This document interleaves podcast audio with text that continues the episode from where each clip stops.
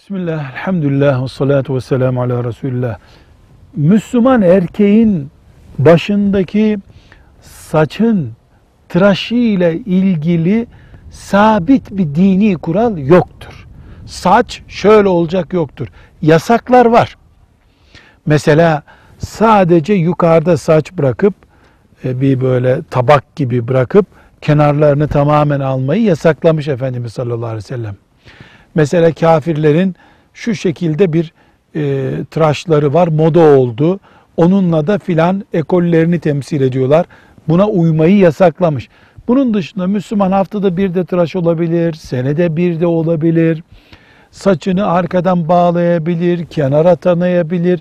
Saçın sabit bir emir edilmiş şekli yok ama saça bakın, temiz olsun, bitli bireli saçınız olmasın diye uyarılar olmuş.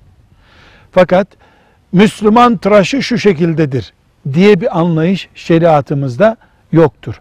Son asırda e, alimlerimiz başı sıfıra vurmayı, çok küçük numarada tıraş bırakmayı bazı batılılaşma benzeşmelerinden dolayı tercih etmişlerdir. Güzel bir tercihtir, uygun bir tercihtir. Ama Efendimiz sallallahu aleyhi ve sellem saçınız hep sıfıra vurulsun diye bir emir buyurmamıştır. Ashab-ı kiramın uzun uzun saçları vardı. Başını sıfıra vuran da vardı. Velhamdülillahi Rabbil alemin.